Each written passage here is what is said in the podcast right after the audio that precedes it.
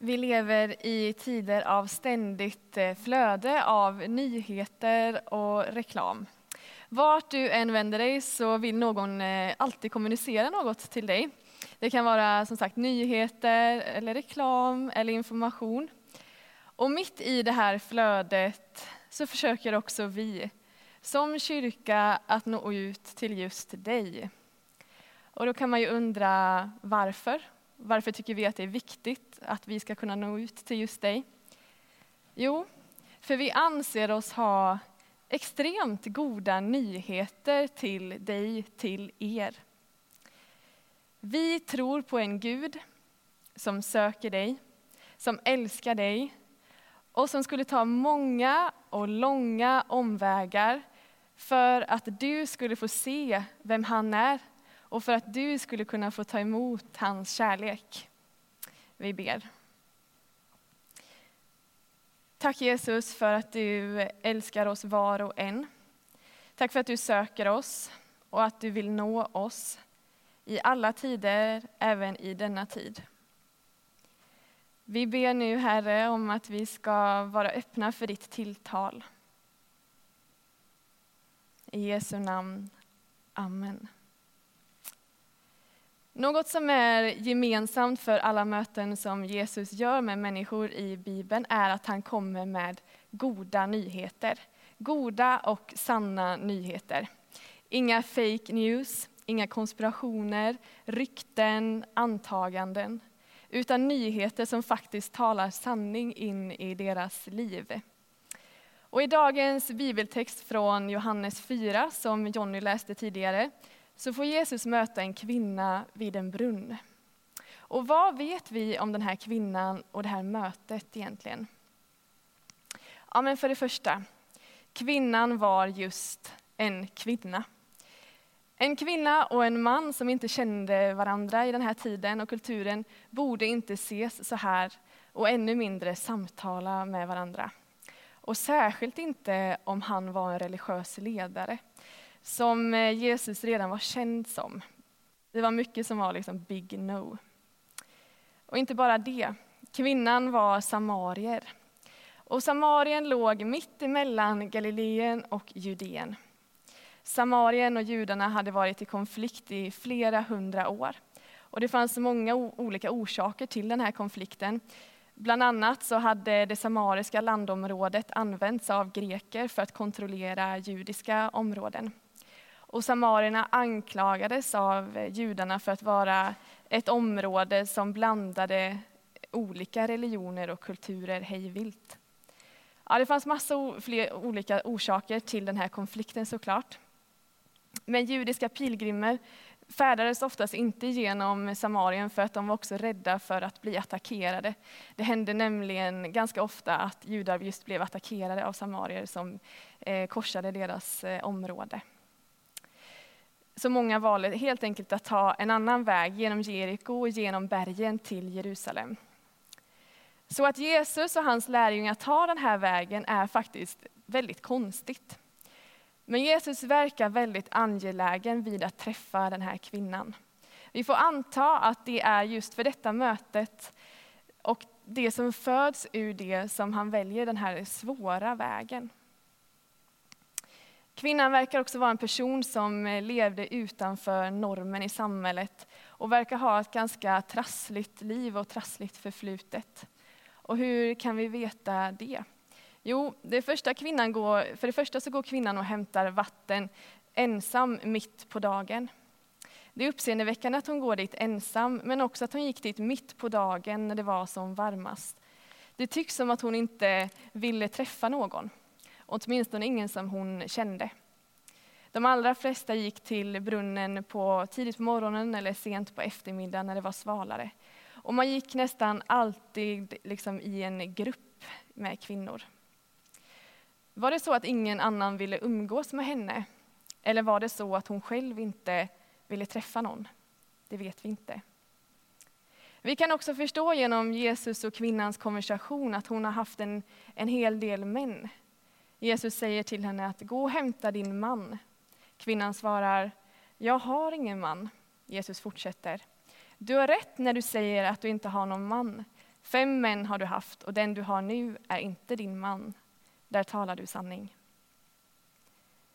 Det Jesus här tar upp med kvinnan var förmodligen något som hon inte talade med vem som helst om.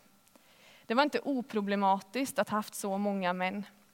Och frågan är hur mycket hon själv hade bidragit till hur hennes förflutna såg ut. Äktenskapet var, gjordes vanligtvis upp män emellan. Kunde det vara så att hon var kanske ofruktsam? Hade alla hennes tidigare män dött? Vi vet inte, men vet att detta inte var särskilt vanligt. Hon ansågs förmodligen oren, smutsig och föraktad i den kultur som då rådde. Men det är som att liksom Jesus inte bryr sig om det. Han vill eh, prata om det där som kanske ingen annan vill eh, röra vid eller prata om. Han ville lägga korten på bordet, tala om elefanten i rummet, ge kvinnan möjlighet till upprättelse. Han kommer sanningen och kvinnan svarar upp till det. Och Det är också på grund av att Jesus vet saker om henne som gör att hon också börjar tro att han är en profet och i förlängningen också tror att han är Messias. Risken Jesus tog utifrån situationen var ja, men risk för orenhet, risk för ryktesspridning, risk att dras in i omoral.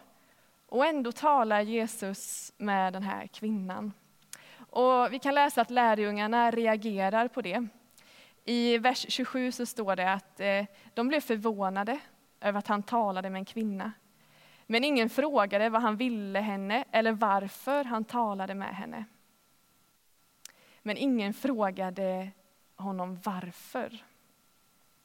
Och detta tycker jag är, är roligt att Johannes tar med.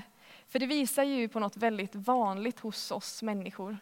Vi har lätt att anta, har fördomar, frågor, blir nervösa när någon går över en obekväm gräns, när vi ser något som sticker ut. Men visst är det också ganska vanligt att vi också låter det stanna där, att vi nöjer oss med att kanske spekulera i vår lilla grupp. Men tänk om de hade frågat Jesus, varför pratar du med henne? Vad ville du henne? Då hade de förmodligen fått ett väldigt spännande, ärligt och bra svar. Och det är mycket i det här mötet mellan Jesus och den här kvinnan som är väldigt normbrytande. Och det kan vara svårt för många av oss eh, att verkligen förstå det med våra liksom, nutidsglasögon. Men har du varit född i ett konfliktdrabbat område? Har du vuxit upp med att de där är våra fiender? Har du vuxit upp med att män och kvinnor inte talar med varandra offentligt? Så har du nog också lättare att förstå de många normer som Jesus här kliver över för att prata med den här människan. En människa som är värd att gå till fienders mark för. En människa som är värd att tappa sitt anseende för. En människa som han tog risken att bli föraktad för bara genom att prata med. En människa som han blev ifrågasatt för. Men Jesus gick till den där brunnen den där dagen för att träffa den här personen, den här kvinnan, trots vad alla andra skulle tycka. För hennes liv räknades.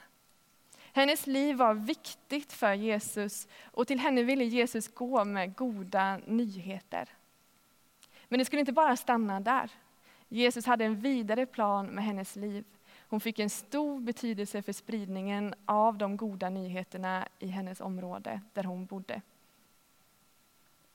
Att Jesus säger att han är det levande vattnet är något som pekar på vem han är.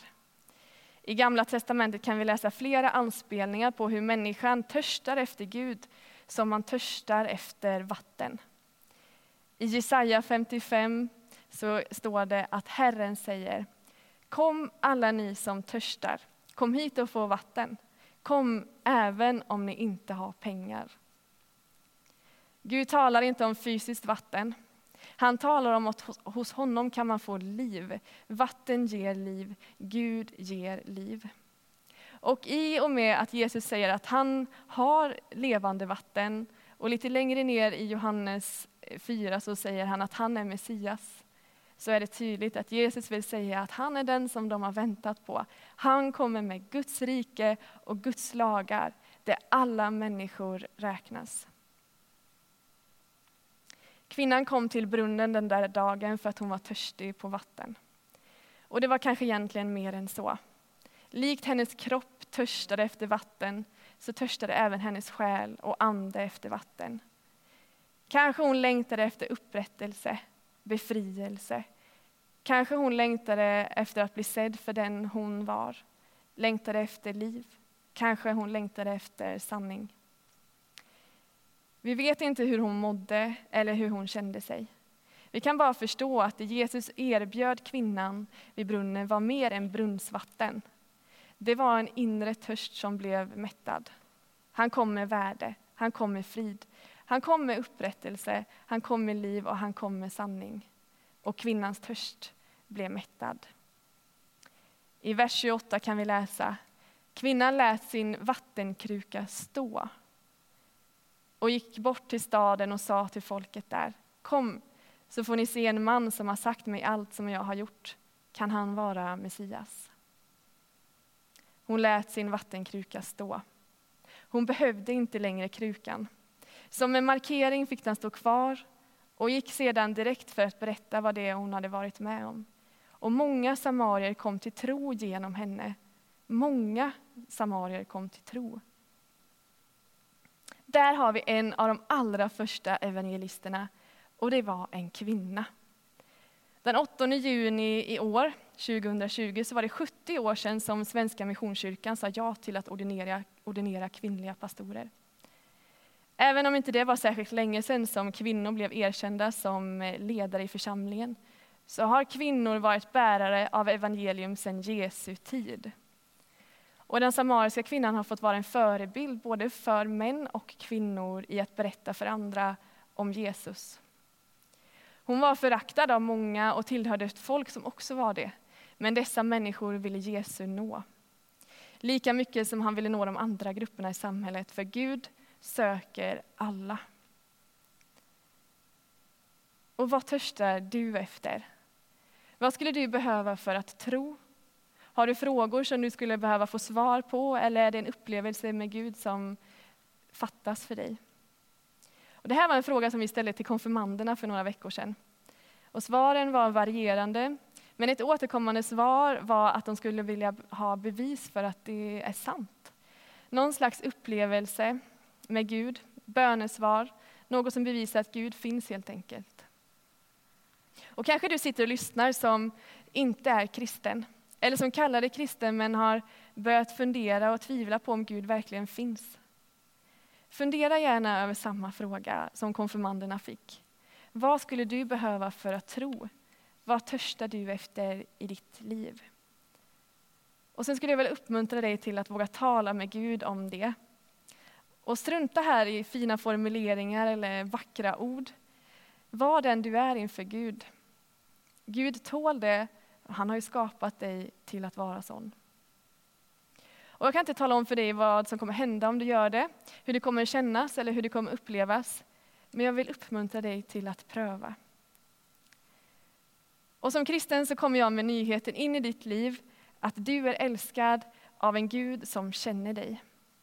Precis som Jesus redan innan han träffade kvinnan kände henne, så känner han dig och han vet vad du behöver. Och detta är budskapet från Jesus till dig idag. Kom och drick av det vatten som jag ger, och du blir aldrig mer törstig. Det vatten som jag ger blir en källa i er med flöde som ger evigt liv. Vi ber. Tack Jesus för att du kommer med goda nyheter. Tack Herre för att du har en källa som aldrig sinar.